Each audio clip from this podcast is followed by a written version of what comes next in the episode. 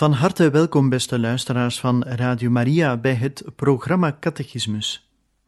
Vandaag luisteren we naar eerwaarde heer Pierre François in een reeks die zal gaan over de verschillende sacramenten.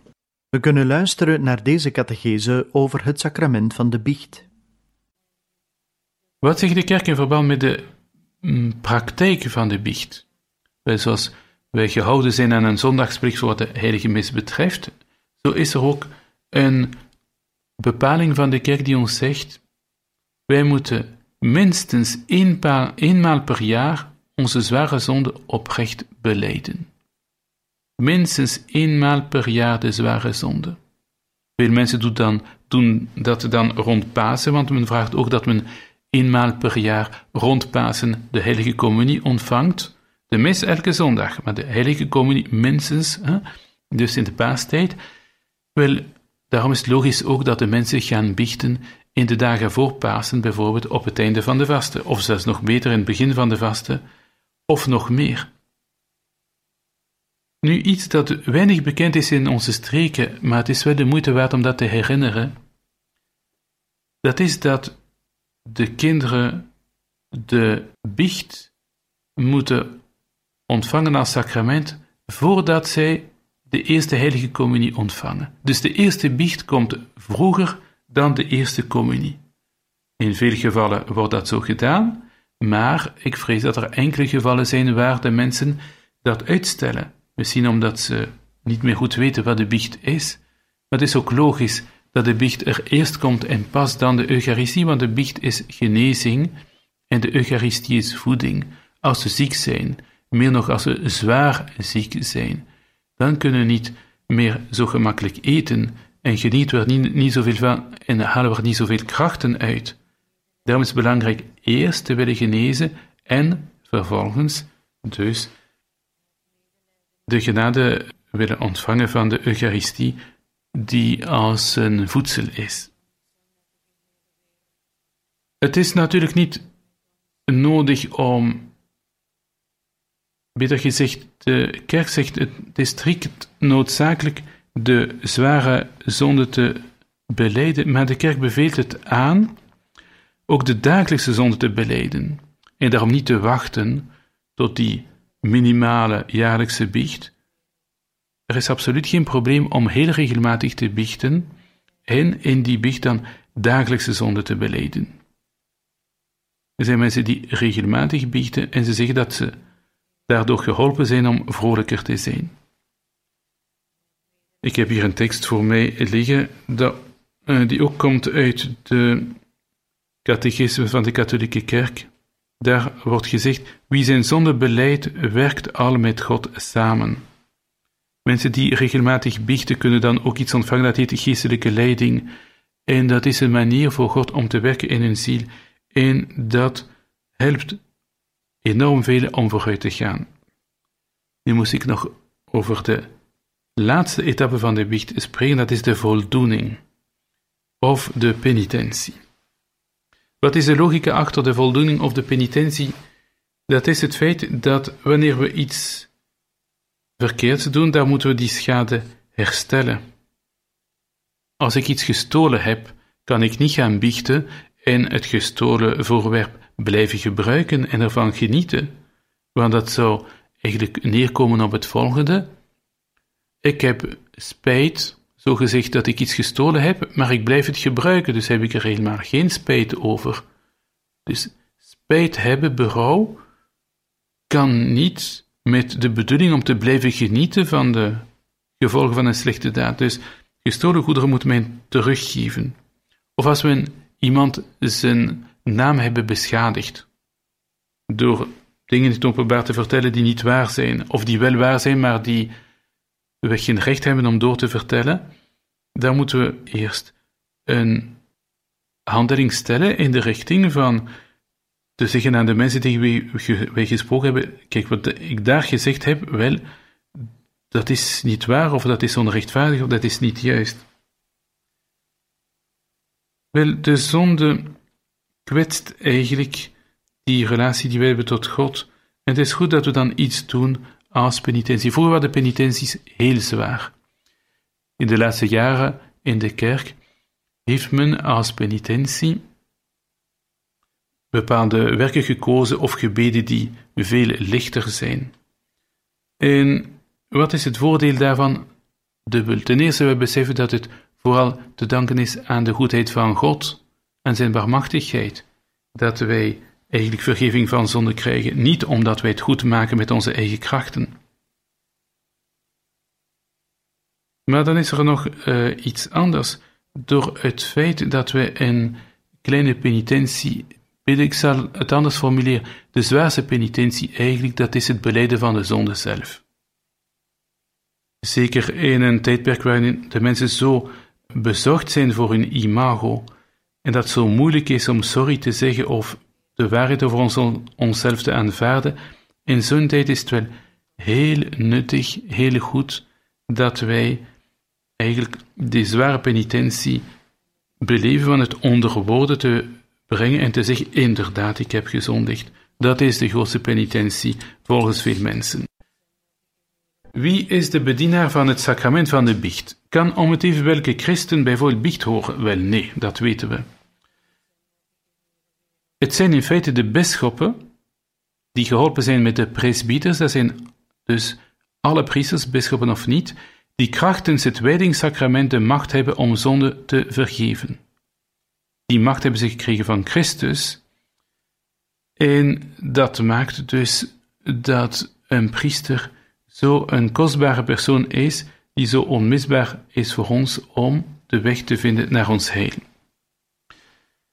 De priesters krijgen de macht om zonde te vergeven dankzij hun wijding, maar ze moeten ook jurisdictie krijgen van de bisschop om voor een bepaalde groep mensen, dus die biechten mogen afnemen bij wijze van spreken. De biechtvader is geen meester van de mens, is een dienaar van God, van Gods vergeving meer bepaald.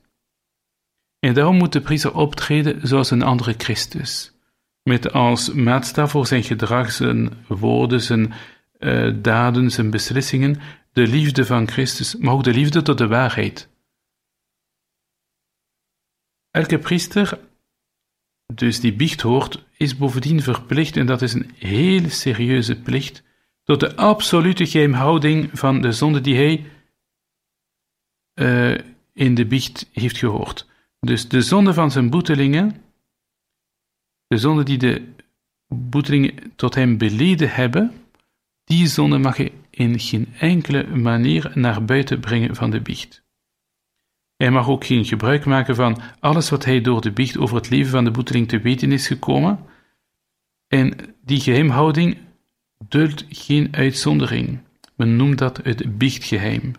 Of soms ook de sacramentele zegel. Onze biecht is verzegeld. De enige die iets buiten de biecht mag brengen is de biehteling zelf, maar de bedienaar, de priester of bisschop die de biecht hoort, nooit. Nooit, absoluut nooit. Hoe wordt het sacrament gevierd? Wel, de biecht, omdat het sacrament is dat zo nodig is, is een beetje zoals het doopsel, moet simpel blijven en is ook altijd simpel gebleven. In essentie komt de biehteling bij de priester. Als dat mogelijk is, knielt hij, dat is een mooie houding om ons berouw uit te drukken. En als hij niet knielt tijdens het beleiden van zijn zonde, en dat dan kan hij knielen als hij kan natuurlijk. Hè. Oude mensen, zieke mensen zijn hm, daar uh, niet aan gehouden. Dat hij minstens knielt tijdens het ontvangen van de absolutie. Dus de priester komt, de, de, de boeteling komt. Hij maakt een kruisteken samen met de priester. De priester geeft hem een zegen. En dan krijgt de biehteling het woord. Ik kan een tekst lezen uit de schrift of de priester zelf kan dat ook doen. Die tekst kan verwijzen naar de barmachtigheid van God, naar zijn vergevensgezindheid, naar allerlei mysteries die te maken hebben met de vergeving van zonde. En eens dat gebeurd is, en dat is zelfs vrijblijvend, dan moet het onderdeel komen dat altijd erin moet zijn, dat is de beleidenis van zonde. De persoonlijke en volledige belijdenis in absolutie blijft de enige gewone manier waarop de gelovige zich met God en de kerk verzoenen. tenzij dat deze vorm fysiek of moreel onmogelijk is.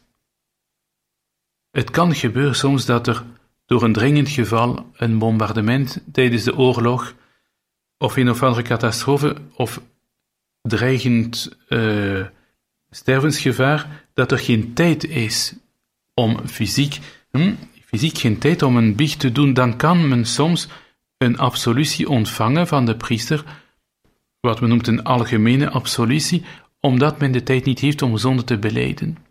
Maar dat blijft uitzonderlijk en alleen maar voor de gevallen dat het onmogelijk is. Iemand die niet kan spreken, door, na een ongeval of door ziekte, kan ook onmogelijk zijn zonder beleiden, toch kan hij de absolutie ontvangen.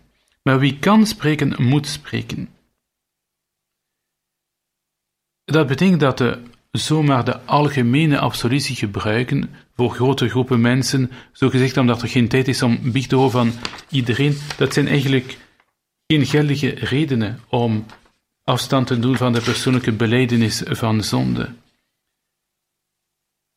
Dus men kan er niet naast gaan. gewone manier om de zonde vergeven te krijgen is via een persoonlijk gesprek met de priester en met de absolutie voor die persoon apart. En dat is ook de manier die de grootste vreugde geeft, die het meest doeltreffende is. Als biechtvader heb ik dat mooie werk om uren en uren te zitten in de biechtstoel. Ik kan u verzekeren dat ik heel veel mensen gelukkig heb gemaakt. Dan ben ik blij jullie te mogen spreken in deze uitzending over de manier waarop God zijn barmachtigheid geeft in verband met die biecht, waarop het sacrament van de biecht werkt, eh, de manier waarop het voor ons mogelijk is geworden om op die manier echt op weg te gaan naar onze heiligheid met de steun van de Heilige Geest, met de hulp van God.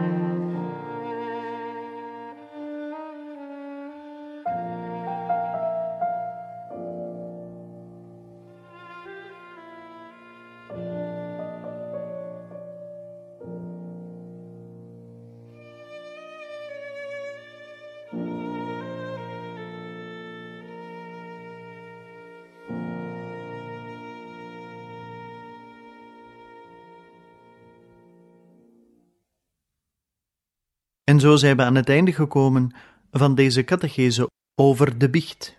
Een volgende keer staan wij opnieuw bij een catechetisch thema stil. We hopen dan ook dat u er ook opnieuw wens bij te zijn.